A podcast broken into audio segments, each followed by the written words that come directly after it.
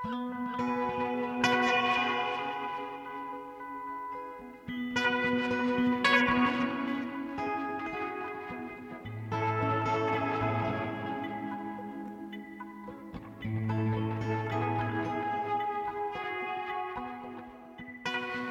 sæl. Í Víðsjá í dag heyrum við af nýju smásagnasafni, ræðum við höfund þess sem fekk nýræktarstyrki síðustu viku og heyrum brotur safninu. Við heyrum einnig brotur viðtali Jórunar Sigurðardóttur við Sofíu Auði Birgisdóttur um bókina Ástkær eftir Tóni Morrison en það er bók veikunar að þessu sunni. En við byrjum í göngutúr í útkverfi Reykjavíkur.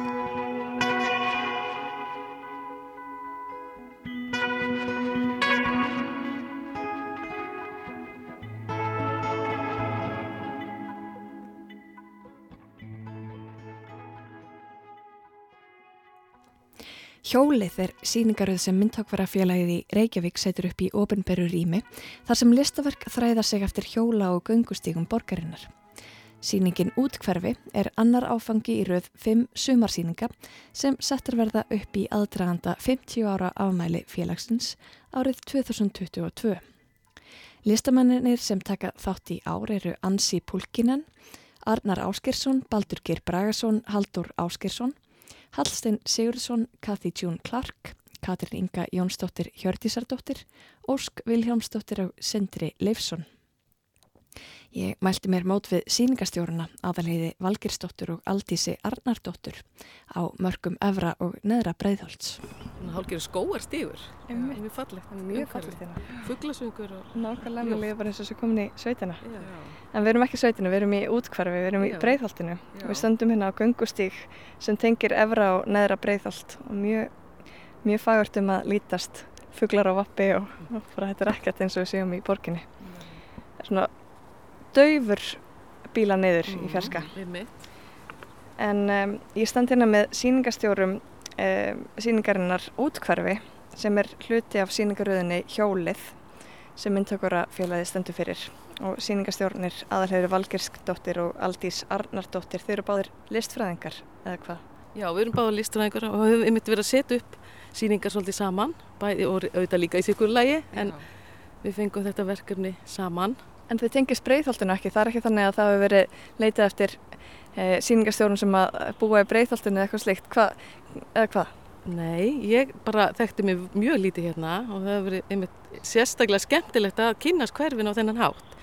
Við erum búin að vera þvælast hérna og segja alveg bara frá því vetur í snjó og skoða svæðið og, og, og svona en þannig að maður kynist hverfinu mjög vel svona.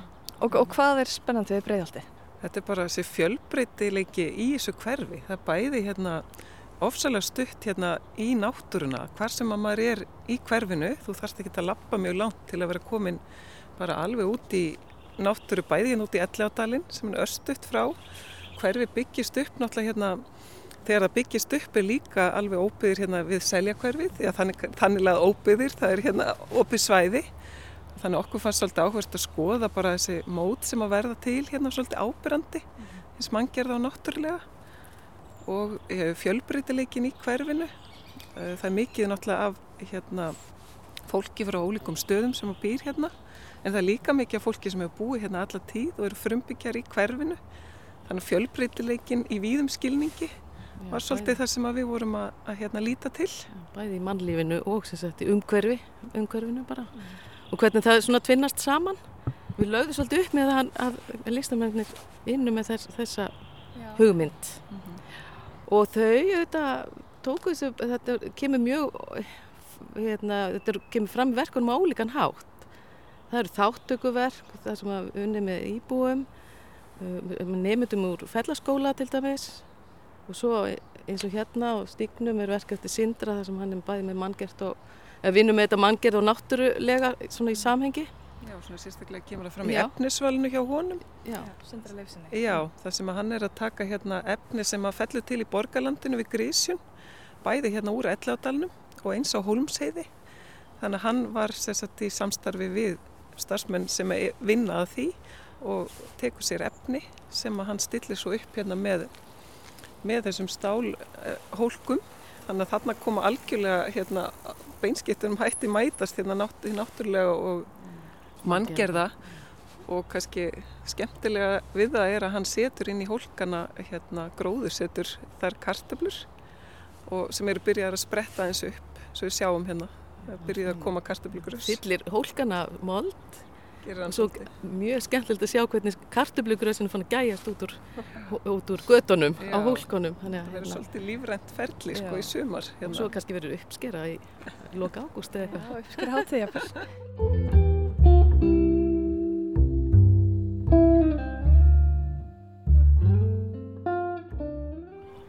Já þannig að þið auglistuð bara eftir listaverkum og gerðu enga kröfu um að listamennir væru neitt tengtir breiðhaldi eða neitt sleikt Nei, ég mitt ekki og, og, og þeir, þeir eru glæð, ég veit ekki hvort þeir, nokkur, þeir hafi búið hérna en, en, en það er reyndar einn þeirra sem að hann Hallsteit Sigursson sem er, býr, býr í seljakverinu Ístasel, þar er hann með, hann býr sér hús þar sem var tilbúið 1978, búin að búa hérna síðan með, með vinnustofu og um stóran mynd, hérna, högmyndagarð við húsið sitt og þessi gardur er þá í rauninni hérna, hluti af síningunni. Þannig eitt af stoppunum? Eitt af stoppunum. Fórum þannig í gær einmitt, og fólki finnst mjög gaman að koma og skoða gardin hans og hann er einmitt líka einn af stoppunum undir myndtökurafélagsins í Reykjavík þannig að vel við hæfi að hann sé hluti af síningunni.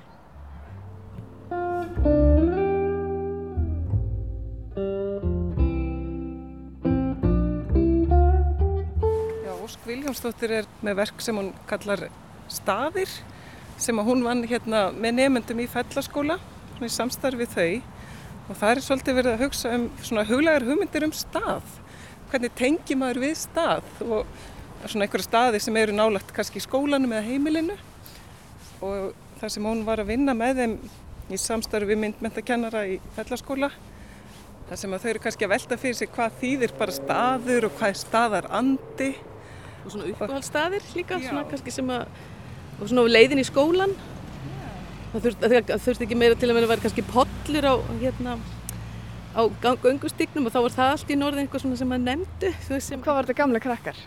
Þau voru held ég svona 10-14 ára cirka og hérna, já þannig að hún er með að sögur sem að hérna hafa þessa merkingu fyrir þessum nefndum og setur þessar sögur upp sem texta á íslensku, ennsku og pólsku.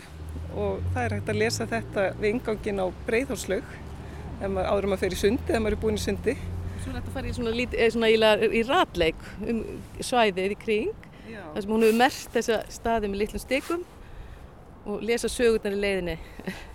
Haldur Áskísson var líka vann líka með nefndum í fellaskóla og hann gerði myndfána með krökkunum þar, þar segja hann eh, letu teikna, teikna og skrifa tákn úr krakka frá ímsum löndum með ímiskonar menningar bakgrunn og hann uh, vinnur þessa fána sagt, út frá þessum teikningum og setur upp og, hérna, á mismunandi stöðum hérna í hverfinu ákveðna daga. Þannig að það er mjög líflegt og, og verið skemmtilegt samstarf við fellaskóla. Og þetta er alveg fjöldin allir að fánum?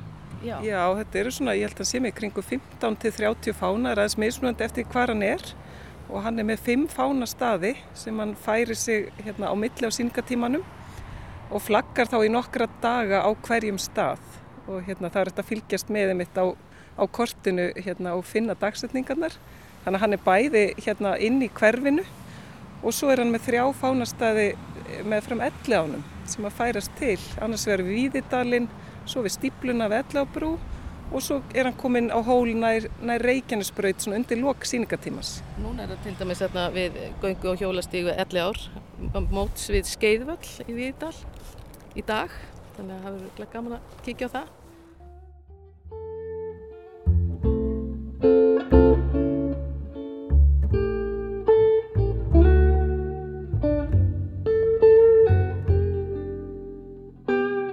En að því að við varum að tala um, um íbúana hérna þá sögðu mér, það var svo gaman að heyra það sem sögðu mér áður en ég setti upptökunum ganga að það hefði verið svo góð mæting á, á gönguna, fyrstu gönguna sem þið eru búin að fara með í gegnum, e, já svona leiðisögn í gegnum e, síninguna. Mm -hmm. Segja okkur aðeins frá henni, hvernig fór hún fram? Já við erum búin að hafa tvær göngur og það sem við svona göngum á milli listaverkana með listamennum þeir sem hafa getað komið og þannig að við sjöum og segjum fráverkonum hvaða líkur að baki og, og svo er þetta bara skemmtilegu göngutúrum hverfið og þetta hefur verið ánægilegt að því að, að það hefur komið svona blandaður hópur af fólki bæði íbúar og eins svona bara list áhuga fólk og bara frá ímsum sviðum og þannig að þetta hefur verið skemmtilegt samtal sem er myndast. Og, og hvað, hvaðu eitthvað viðbröð? Hvað er að gerast í göngunum? Er fólk að spurja og Já. og líka held ég hérna margir að uppgöta nýja staði í sínu hverfi af því þetta er mjög stórt hverfi með yfir 20.000 íbúa 21.000 eitthvað svo leiðs og, hérna, og þetta er gríða stórt landsvæði. Og fólk er líka þeir sem búa hérna uppgöta staði sem er aldrei komið á áður í hverfunum. Þannig að það hefur verið mjög gaman. En hvað er önnur sín sem að myndast þegar fólk verður að hugsa út út frá list líka. Það er svona önnur sín En hvernig virka þetta? Þið, þið sögðu mér að þið hefðu komið hérna í ýmsum veðrum í undir, undirbúningsferðir. Völdu þið þá staðina eða fóruð þið með listamönnum og þau völdu sína staði?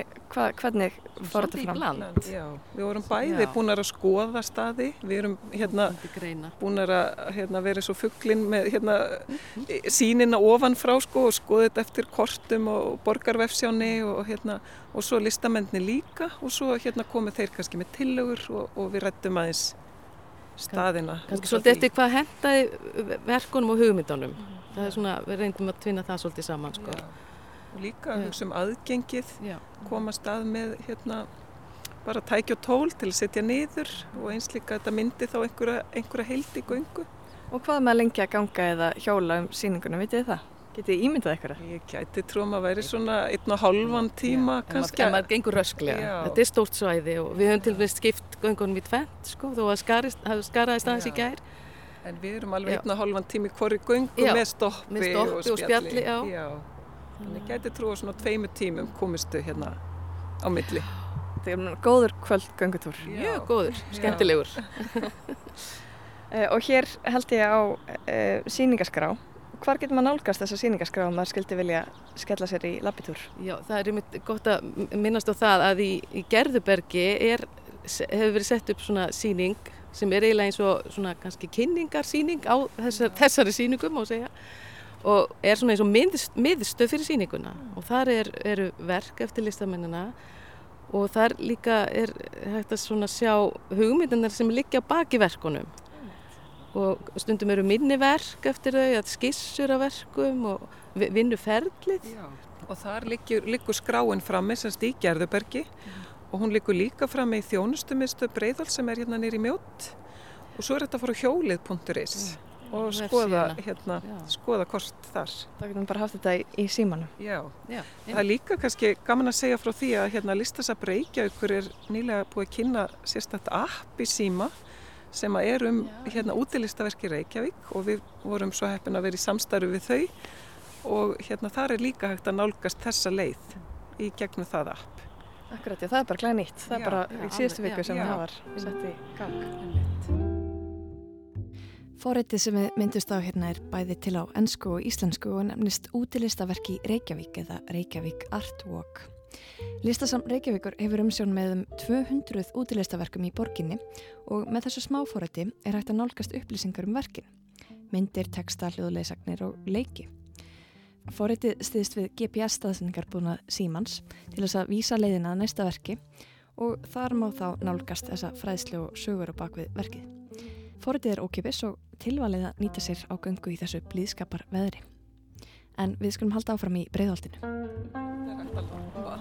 hérna bara inn, hérna svona inn eftir hverfinu, þetta er svona stígur sem er eitthvað neginn, maður þekkir ekki til. Maður til og með getur verið að týna berið eða eitthvað, þetta er svo náttúrulegt alls.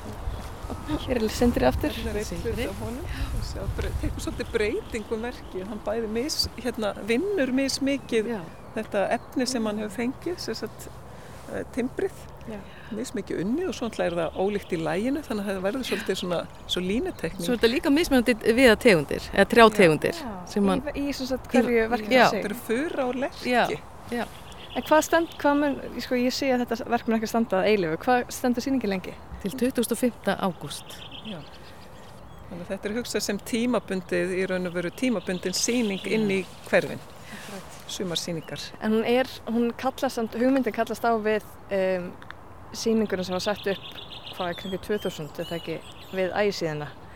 Strandlengina. Strandlengina. Jú, kannski... þetta er kannski svipu hugmynd. Já, það er náttúrulega það bara eitt af markmiðu myndtökurafélagsins að koma listinni út á meðal fólksins. Þannig að þeir eru svolítið að, hérna, mhm. að upphefja það aftur og halda því á lofti svona í aðdraganda ammælisins. Þetta færa verkin alveg inn í hverfinn. Svo er líka svolítið gaman að setja upp svona verk sem eru þetta, maður veit að eru, eru tímabundið en eru ekki varanleg. Mm. Að að, og, og fólk svona, þú veist, það kom alls konar viðbröð þetta og hérna og það er gott að taka fram að, að, þetta sé síning þetta er ekki eitthvað sem er sett niður endilega varalega við vitum auðvitað ekki hvað verður en, hérna, en hugsun er svo að, þetta sé tímabundi síning sko. Lega fólki að melda þetta Já, yfir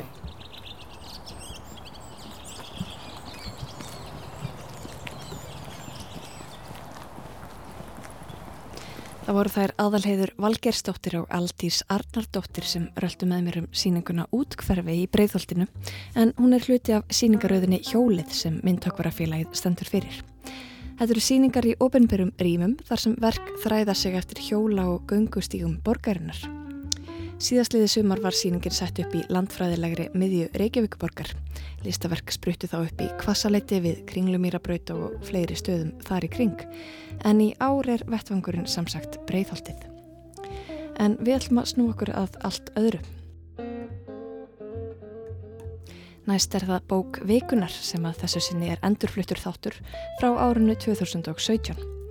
Það er bókin Ástkær eftir Toni Morrison sem kom út í íslenskri þýðingu Úls Hjörvar árið 1988, árið sem Morrison hlaut Pulitzer verðlunin.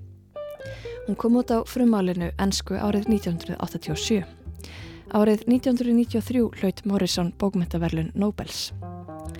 Við heyrum nú brotur viðtalið sem Jórun Sigurðardóttir tók við Sofíu Auði Birgisdóttir, bókmyndafræðing, um Toni Morrison og bókina Ástkær.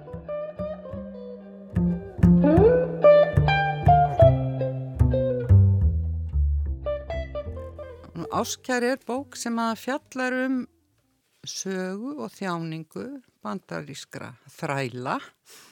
Um, ég hef áður líkt sagt höfundaverki Toni Morrison við höfundaverk William Faulkners að því leiti að hann svona kortleggur uh, sögu Suðuríkjana í, í sínu, sínum verkum en hún kortleggur sögu uh, þrælana og og það er ekki út í bláin að tengja Tóni Morrison og William Faulkner að því að, hún skrifaði doktorsittgerð um hann. Hún er mjög mentaður höfundur hún, Tóni Morrison. En já, bókin sem sagt snýst um svona þjáningu þrælana og uh, svona svo saga nýtast í aðalpersoninni Sethe sem að var fættist í þrældómi og og strauk uh, sem sagt úr þeim þrældómi og, og það eru liðin átjan ár síðan það gerðist þegar að, að bókin um, gerist. Þannig að það eru svona tvö sögusvið í bókinni, það er annars vegar nútíminn sem að er sem sagt þegar hún í raun og veru er orðin frjáls eða eins frjáls og, og hægt er í þessu samengi og hins vegar eru það upprifjanirnar sem eru mjög brotakendar að koma til okkar smá saman og bætist alltaf svona lítið við í einu vegna þess að hún uh, berst að alefni, alefli gegn þessum minningum. Hún vill ekki rifja þeir upp. Þær eru of sárar, of þjáningafullar og hún segir eitthvað staðar, eða það segir eitthvað staðar í bókinni að, að framtíðin snúist um að halda fortíðin í burtu. En svo náttúrulega í byrjum bókarinnar þá kemur til hennar uh, maður, Paul D. sem var samþræll hennar og, og þá er óhjákvæmilegt að, að rifja upp sammeiglega sögu þótt hún berjast svona mótið í. Sagan uh, knýrjú ítrekað dyrra. Já. Uh, Jafnvel þótt hún reyna bæjini frá. Já jafnframt leitar hún líka hugunar í eigin minningum. samanber þegar hún óskar þess svo heitt að, að Baby Sucks væri komin aftur með, sinn, með sitt hjarta. Sko Sethi er uh, náttúrulega först í þessum minningum þótt hún vilja helst ekki rifja þér upp og það er kannski svona enginni á hennar karakter að hún, hún þróast ekkert. Hún er algjörlega först og bara lifir í þjáningunni. En dóttir hennar, eh, svo eina sem er eftir hjá henni, sem er átjónara gömul þarna í, í byrjun bókarinnar og hún var ófrískaf þegar hún flúði, hún er hins vegar persóna sem þróast og, og það er gaman að, sko, að bera það saman sko, hvernig þessi unga stúlka sko á í miklum erfileikum í byrjun vegna þess að hún á ekki hluteld í þessari fortið sem mamminar er först í. Og mamminar vill ekki hleypinni þar inn af því að það er ofsár staður. En, en svona í rásögunar þá, þá þróast þessi karakter sem er mjög veikur í byrjun og, og á í miklum vandræðum. En, en stendur svona kannski sterkur eftir í lokin Og svo er það náttúrulega þessi persóna sem að já, hvað ég segja, er í rauninni ekki til ástkær já. sem uh, titillbókarinnar vísar til já. og sem er svo stert til staðar þótt hún hafi aldrei lifað. Já, sko ástkær, hún náttúrulega uh, deyr, móðir hennar náttúrulega drepur hana, hún myrðir batsitt þegar að, að sagt þræla eigandurnir finna hana og ætla að færa hana á svona börnunum aftur á plantegruna í þrældóm. í þrældóm. Þá velur hún, þá ætlar hann að drepa öll börnin sín e, frekar en að, að, að þau hljóti þessu örlög. Og henni tekst að drepa þessa litlu stúlku en ekki drengina. Og það verður nú bæði til þess að hún er ekki tekin aftur heldur en hún sett í fangelsi e, en það, það er nú ennu saga en Þannig að þegar að við hefjum lesturinn þá skilst okkur að draugur þessara dóttur uh, sé sko, mjög mikið á ferðinni og, og, og það er mjög lifandi draugagangur í húsinu sem að, sem að þær uh, tengja við ástkær. En síðan náttúrulega gerist það setna í bókinni að það kemur ung kona á staðinn sem að segist heita ástkær og sem að, að Sethi trúir að sé dótti sín mm.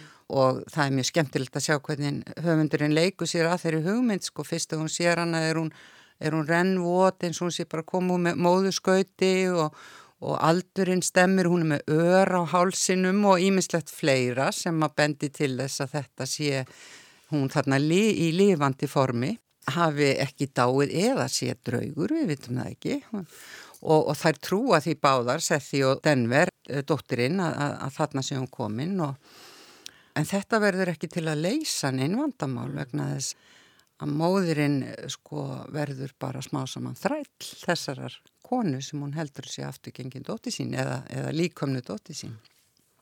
Svo ástkær sem að kemur til þeirra maðugna í mm -hmm. húsið 124 er hún draugur, er hún lífandi persóna, við komumst í rauninni aldrei alveg að niðurstöðum það, en skiptir það máli? Það skiptir kannski engum máli í raun og veru, en, en það er gaman að skoða tólkunarhefðina sko, því að hún hefur verið tólku til dæmis sem að, sem að manniska sem hafi e, hérna, búið inn í lokun, kannski haldi fangin, fangin eitthvað starf og það útskýrir hversu barnaleg hún er og, og, og hérna og hvernig hún haga sér að hún sé sem sagt nýsloppin eh, úr einhverju einangurinn eh, nú svo hún líka hefur hún líka verið tólku sem sem já, aft, afturgengin.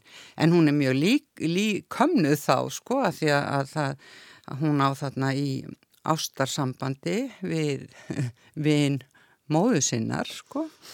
Veldur bara algjöru uppróti þarna á þessu heimili nema sko sýstirinn Denver, hún tengist henni stert sko, mm. að því þarna fær hún allt í einu hlutdeld í, í fortíðinni sem að hún, henni fannst hún vera svo útilokkuð frá áður. En auðvitað eins og segir það skiptir í raun og veru ekki máli hvað hún er í raun og veru, það er bara einhver raunsæskrafa sem á ekki að gera til þessara bókar að því að til dæmis draugagangurinn sem þannig er á, á ferðinni, hann er alveg raunverulegur, húsgögn fljúa um og, og, og kjólar byrtast og þetta er alveg raunverulegur draugagangur. Mm.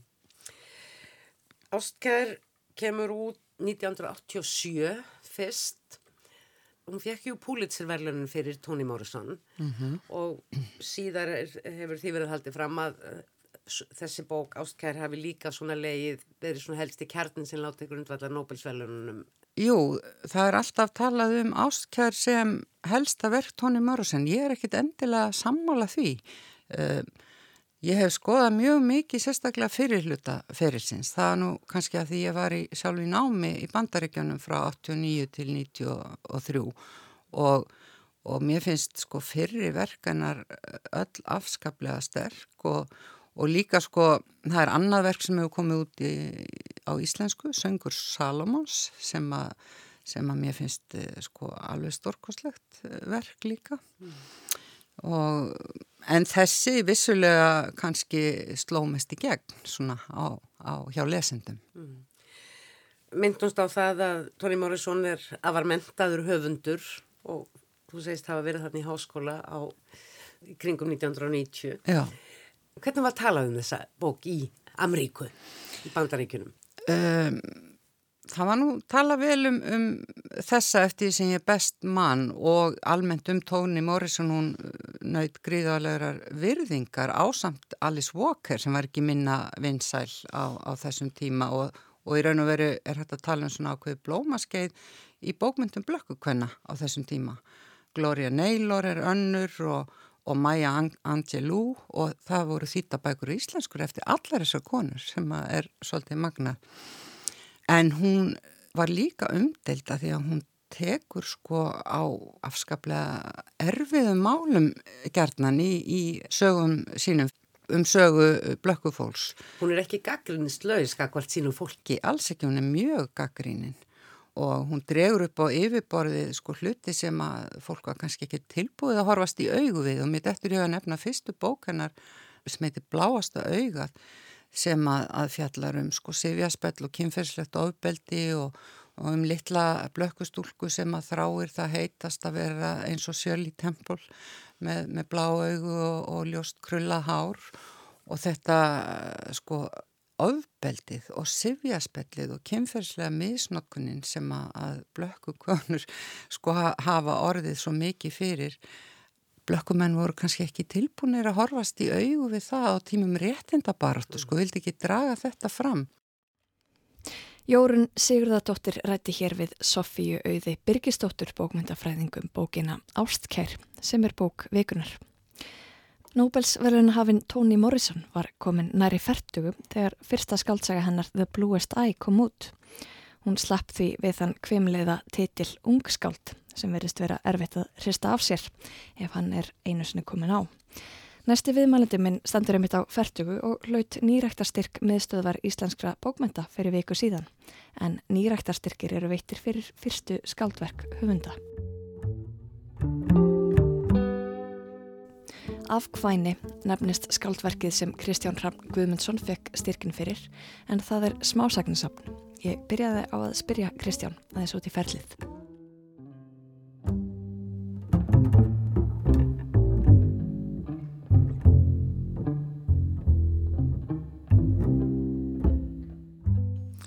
Já, ég eh, fó bara að aðtuga að ég vissi að þessum styrk, ég hafi tekið eftir bara e, í fjölmiðlum þegar e, einhver fekk þennan styrk, ég þekkti nú eitt sem að fekk hann fyrir einhverjum þó nokkrum árum sko, þannig að þá tók ég sérstaklega eftir því sko, e, en, en hérna en svo, svo þegar ég var búin að vera að, að pára svolítið svona undarfærið eitt og hálft ár má segja fór samt ekki alveg á, alveg á fullt fyrir nýjum vetur sko og ég fekk e, ég var svo heppin að hérna e, fá fæðingaróla í vetur eftir ég egnast mitt þriða batn á síðast ári og, og, og fór þá í þrjá mánuði í fæðingaróla með stráknum mínum núna byrjun þessi ást og þá gæti ég svolítið einbeitt mér þegar hann læði þessi í tvo þrjá tíma á daginn sko. Okay. Þá fekk mér alveg, alveg uh, góðan frið. Þannig að uppvaskið satt bara á... Já, já, skilninsrika eiginkonu, þannig að það er ekki vera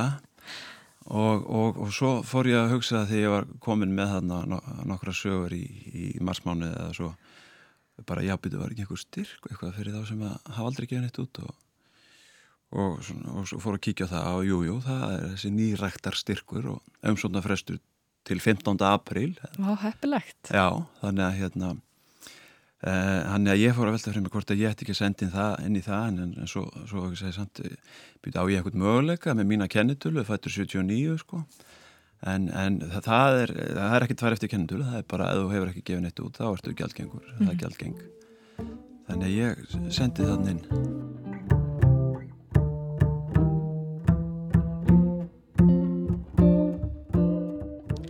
voru tvö sem fenguð styrkin þú og auður Stefansdóttir sem Já. var með unglingabók. Já, Já um, eða, eða barnabók held ég að veri orðað eða, eða barna-úlinga, það getur verið. Já, allan ungmennabók. Já, ungmennabók, já. Um, en, en þú ert að vinna með smásagnaformi það hefur verið svolítið vaksandi grein finnst mér undanfærin ár. Uh, Lestu mikið að smásagum? Já, ég geri það og alltaf lesið svona eh, smásögur meðfram öðru eh, skáldsögur og stundum einu svona einu svona lesi bækur svona sem að kallast kannski fræðibækur eða, eða eitthvað svona endur minningatengt sko. En já og sérstaklega bara því ég, ég svona má eiginlega segja ég hef sett mig í svona sjálfsnám uh, fyrir svona einu álva ára eitthvað svolítið og síðan þá svona já svona kringum jólinn 2017 eitthvað svolítið þá hef ég nánast bara lesið smásögur. Hvað meinir með sjálfsnám? Eh, sko, að því ég fann að hérna eh, að, eh, að að smásögur voru svona að, að svona einhvern veginn eh, svona að, að koma til mín. Og eh, já og eh, það er raunni sko þessi samfélagsmiðlar sem að er út um allt. Ég hef ekki verið mikið á þeim. Ég er ekki, ég er á sjálfsögð á Facebook og kann vel við það og, og, og þarf að vera þar. Já, til dæmis þrjú börn og, og ef ég væri ekki þar þá kannski bara, bara kemi barnavend heimtímin af því, því þá væri ég ekki öllum þessum grúpum og var hann til tónstundarstarf og vissi ekki neitt sko, vissi ekkit um eða æfingar eða hvernig næsta keppnisverðið er allt svo leið sko. Það þekki Já, en, en, en eini miðlinn fyrir utan Facebook sem ég hef verið á var Snapchat. Aldrei verið á þessu hinu öllu sko. En ég prófaði þetta Snapchat og, og hafði svolítið gaman að sko.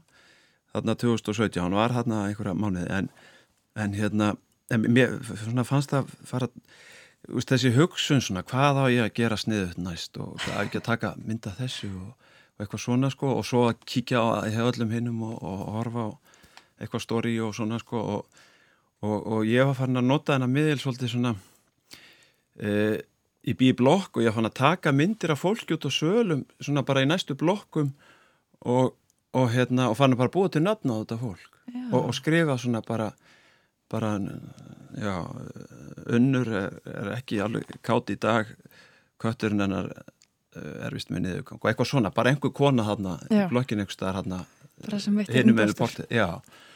Og hérna og veist og svo hérna eins sem var alltaf út í sík og handklaða hausnum stundum eitthvað svona. Og ég fann að bylla bara eitthvað og, og, og búa til eitthvað svona ímyndu samskipti sem að þetta fólk ætti jafnvel á húsfundum eða eitthvað svona sko. og, og fekk alveg svona viðbröð hjá þessum sem ég var með á Snapchat sem hún ekkert ekki dvala margir svo sem en, en, en hérna bæði hafði einhvern veginn uh, gaman ég menna að þessu, ég menna bara kýtlar hér koma kindin að fá eitthvað svona viðbröð en, en á saman tíma hugsaði býtu, e, svo, svo bara guðvar þetta upp. Vist, ég senda eitthvað og svo er þetta bara farið og mm en, en hérna hann að þá hugsaði bara, já já, heyrðu, nú bara nú bara hérna sest ég niður og, og gera eitthvað meira hérna með þetta því ég hafði gaman að þessu og hef alltaf haft gaman að sögum og, náttúrulega lærið bókmyndafræði og allt svoleiði sko. Og bara hérna ákvað um að snemmi í september 2017 mann og hugsaði bara fyrst og oktober allir að hætta á Snapchat og, og nýta tímanni þá ég eitthvað, eitthvað betra sko. Og þá fór þetta svolítið að gerast og, og hérna og ég kláraði fyrstu smásöguna mann ég í jólafríinu 2017, það ég er kennari þannig ég fæði hérna svolítið velvægt jólafrí sko og, og, og síðan þá, bara einmitt þá líka varandi eins og spurður hérna með lestu smásagna, þá, þá hef ég alveg nánast bara lesið smásugur, bara, bara verið alveg einbyttur í því, bara, nútlið bara alveg mastera, svona að sjá bara hvernig, hérna, hvernig aðrir er, er að vinna smásugur, já. Rannsaka formið. Rannsaka formið, allavega meirin hefði gert og, og, og svona, og, svona hva, var... Hvað hva lærið þeirra? Hver, hver er komst að því í ferlinu? Eh, Ég veit það ekki áleg. Ég allavega, ég allavega svona, að komast að því svona hvernig smásögur, sko ég hef gaman að, veist, hvað ég vil hafi smásög og, og svona, og þetta hjálpaði mér að líka bara að finna minn tón. Að ég hafði skrifað, ég hafði skrifað kannski svona tvæð, þrjár smásögur til enda, veist, skilur frá því bara fyrir tólv árum. Ég kannski skrifaði fyrstu held ég, gott ég kláraði ekki fyrstu, einmitt í mínu fyrsta fæðingarólu við 2010. Þá man ég ég kláraði eina loksins eftir að hafa párað eitthvað hugmyndir og eitthvað svona en aldrei klára, klára neitt en það var svo alvarlegt og eitthvað svona mistist og svona það var ekki einhvern veginn mín rött sennilega mm. og ég var ekkert sátur uh, við það og, og svo kannski bara, líka bara þurfti ég að lifa í já, í eitthvað tíu ári viðbótið ég veit það ekki og lesa aðeins meira og til þess að uh, svona einhvern veginn að finna finna mína mína rött í þessu og einhvern veginn það sem höfða til mín og og, og ég held ég að ég sé kannski komin svolítið þákan. Já, það er alveg sterk, sterkur tótni í því litla sem ég náði að lesa af því sem þú sendið mér. Ég hugsaði til hans Raymond Carver. Hefur lesið hann? Já, bara eitt smásagnarsafn, Cathedral. Já. Ég vil til dæmis ekki lesið þetta fræga, eða þess að með langanamninu, þannig að talk about when we talk, about love. love. Já, ég hef hérna, búin að vera leiðinni, hún er búin að leslistanum mínum ansið lengi en, en ég hef ekki enþá farið hérna orð, orðið mér út um hana en já, Cathedral, ég las hana fyrir 15 ára með eitthvað líka og einmitt stórreifin af henni sko. En hver, hver, hver er svona þinn eftirleitis eh, smásagna höfundur eða hver svona hefur haft mest áhrif á þig heldur þú? Þú, þú hljómast svona eins og þú latur þetta bara svona seittla inn fyrir ekkar heldur en að vera svona kannski mjög aktíft að stúdira eða hvað? Já, ég held maður geti bara enda út í skurði ef maður ætlar að, að, að kópja einhvern það, Já, það held ég sjálfrætt Já, ég held að það viti ekki gott sko en já, ég held að þetta setli svolítið inn en en, en uh, sko, ég menna Já, ég menna sko uh, hérna uh, sko Kristín Eiríksdóttir skrifa alveg frábært smásandar sem Doris Deyr fyrir já svona 7-8 árum Sannlega. og þá kannski, þá kannski var það líka einhver varða á leiðinni sko, mm. bara mm. já svona flottar smásögur hægt að skrifa og þetta er bara ung kona á Íslandi að skrifa í dag og hún, hún er yngri ég og, og, og en svo er komið staði býtið aldur skiptir engum máli, svo las ég kláða eftir Fríðu Ísberg eh, núna um síðustu jóli og, og ég hugsaði bara hvað hvað er hún ekki fætt 92 og bara þetta er algjörlega sko, bara, bara svo vel, vel skrifa já, og hérna og ég get nefndi, ég menna Friðger Einarsson bláa bókin hérna með Svassenhekka framann og það er alveg virkilega sko mitt flottur tótt þar sem að koma út til í 2016 og Já, og svo líka, það sem líka kannski ræk mig áfram, þá er ég að lesa líka eftir eitthvað eldri höfunda sem eru rosalega vel metnir og tala um að þeir skrifi svo frábæra smásögur en en, en uh, kannski ætla að fara að slá í einhvern veginn umfyllunarefnið og svona þannig að ég var svona, ég hafa býtu ef að þessi er svona hátt metin sko og, og þá bara, á ég þá ekki bara prófa þetta sko. Já, og þú gerði það? Já. Lagði, Lagðist bara í smásagnar gerð en, og hvað hérna og hvað sér þið fyrir þér svo í framhaldinu, þú ætlar að skrifa einasögu viðbútt, ertu komið með samning hjá útgefanda? Eða Ég er ekki komið með samning, nei. Ekki komið með, en það er svona, já, það er svona, ég kannski get ekki sagt ómikið, en, en, en styrkurinn hjálpar held ég. Og þess vegna er svo frábært að, að hérna, að miðstur íslenskar bókmynda sé með svona styrka því að, ég, ég ég fann það, ég fann það svona alveg strax, sko, að maður mæti bara, maður getur komið bara með startgjald með sér, er svo má segja, sko.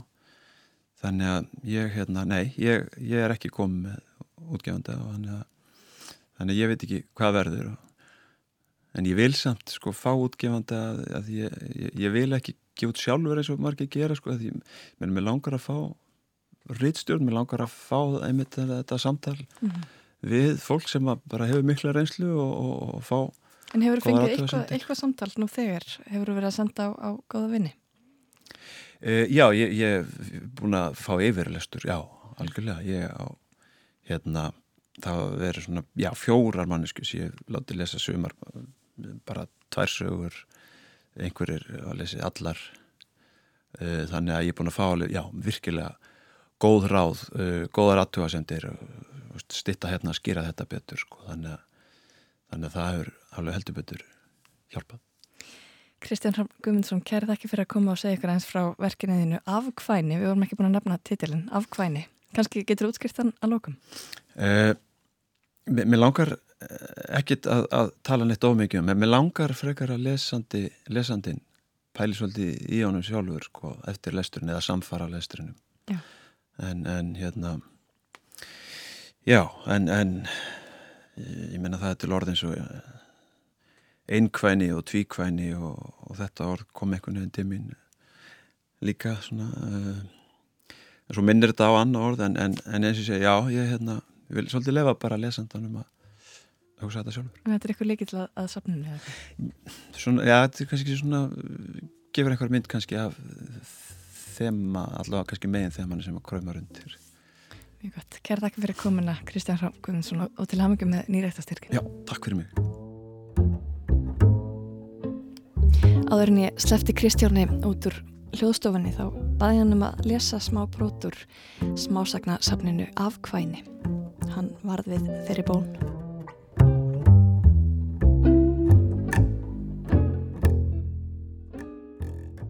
Mamma skiptur um samastað. 20. februar. Mamma segist vilja deyja en eitt skiptið. Ekkert sé þess virði að lifa fyrir lengur. En mig og Hildu og barnabörnin, spyr ég. Jú, jú, ykkur auðvitað, en ég er búin að lifa svo lengi eirikur minn, segir mamma og bætir við að við Hilda séum orðnar fullornar manneskur, stöndum okkur vel í lífinu, hún þurfi því ekki að hafa áhyggjur af okkur. Ef ég ætti bissu myndi ég skjóta mig fyrramálið, segir mamma. Mér finnst skrítin hinn ákvama tímasetning í fyrramálið. Áður en ég veit af hef ég spurt af hverju fyrramálið? Ég geta ekki svona setnipartin, þá er ég alltaf svo skjálfend. Mamma er komið fast að átturöðu, er slæm af liðageikt og á stundum erfitt með aðtapnir daglegs lífs. Í ofanálag er rakandi skamtíma minni að gera henni grikk endur um á sinnum. Lífslöngunin hefur farið þverrandi frá andláti pappa fyrir nokkrum árum og því höfum við ættingjarnir þurft að hlusta á svona barlóm nokkuð reglulega. Í byrjun ársins fekk mamma loksins inn á elliheimili í einsmanns herbergi þar sem hægt var að setja með góðu móti lítinn sófa eða tvo hægjendastóla á samt sófaborði. Fyrir utan þetta staðlaða, rúm, náttborð, sjónvarp. Flutningurinn á elliheimili var gegn vilja mömmu. Barlómurinn hefur því ágerst síðustu vikur.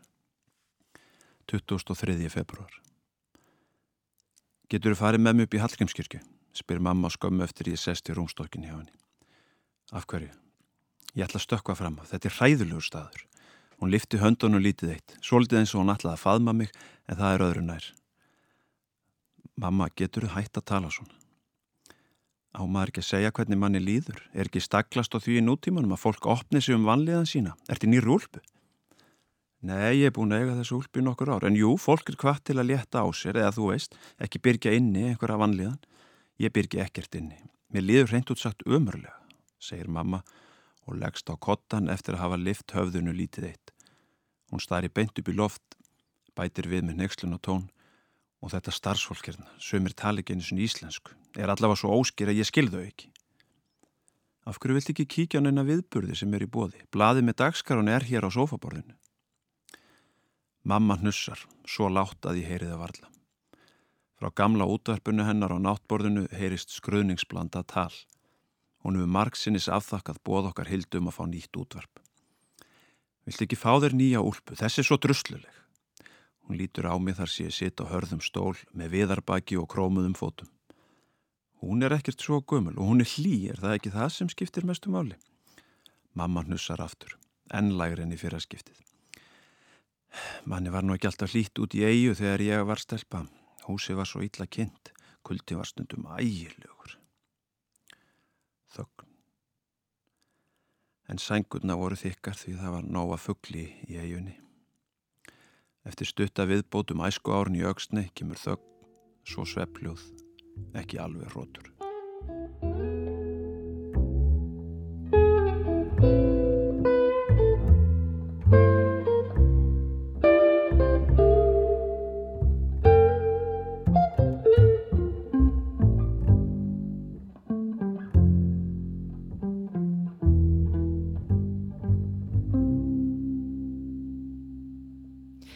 Kristján Hrafn Guðmundsson las hér brotur óutkomnu smásagnasafni sínu af kvæni sem honum hlotnaðist nýræktarstyrkur fyrir á dögunum. En það er laung helgi framundan, aftur og komið sumar. Mér langar að nefna tvær tónleikaræðir sem hægt er að kíkja á um helgina, annars vegar stofutónleikarauðina á Gljúfrasteini en þriðju tónleikar þeirra ræðar fara fram á sunnudaginn en þar bregða Gunnar Gunnarsson og Tómas R. Einarsson fyrir sig norrænum vísum, klassískri jazzveiflu og dillandi latíntakti eins og það er orðað á vefsíðu Gljúrastins. Þeir hefja leika klukkan 16 á sunnudaginn. Svo er það pikniktónleikaruð Norrænahúsins sem hefst á sunnudaginn klukkan 15. Hinn sænski Kristján Antila rýður á vaðið Sástandur einnig á fertugu eins og nýræktarstyrkafinn sem var í heimsón hér áðan og Tóni Morrison þegar hún gaf át sína fyrstu skaldsögu. Allt er fertugum fært, meira segja að koma fram undir berum heimni við Norrænahúsið á sunnudaginn. Við skulum heyra hinn fertuga Kristján Antila flytja lægið Klokkuna ringir indi en dúa.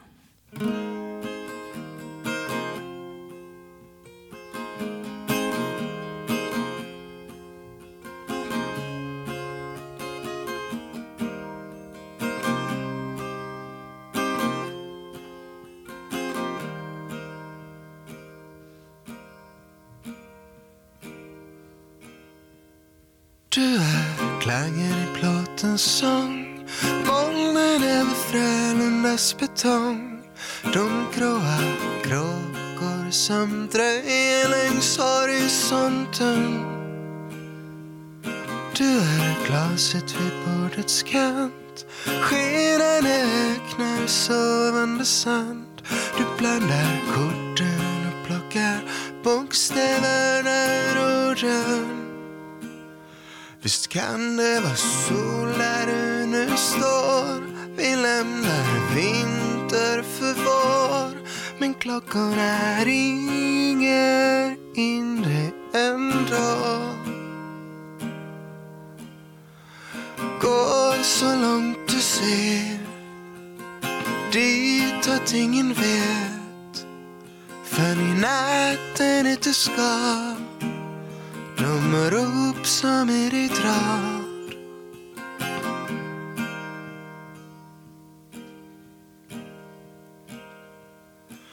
Från rum till rum och namn till namn Lev evigt som damm. Här är de vägar som dansar kring dina fötter. Du är falska blixtar. Nancys röst Virvar av svalor och han jag griper i räcken Visst är du för glad för att förstå? Du gjort dig blind så många år. Men klockorna ringer in dig ändå. Gå så långt du ser. Dit åt ingen vet För i natten är du ska De rop som i dig drar Gå så långt du ser Mot din evighet Från vägen till din grav Den väg som har stått klar sen du var barn.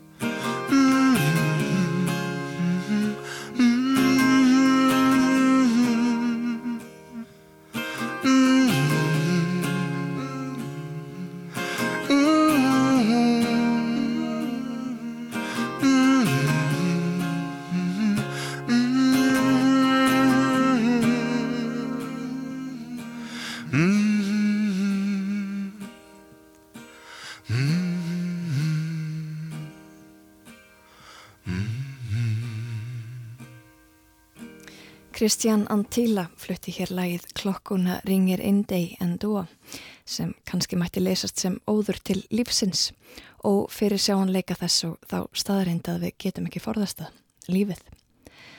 Antila kemur fram á piknikserju Norrænahúsins í gróðurhúsinu þar fyrir utan á sunnudaginn klukkan 15. Ég þekkti ekki Antila áður en ég frétta þessum tónleikum en ætla sannarlega að kena mér hann betur.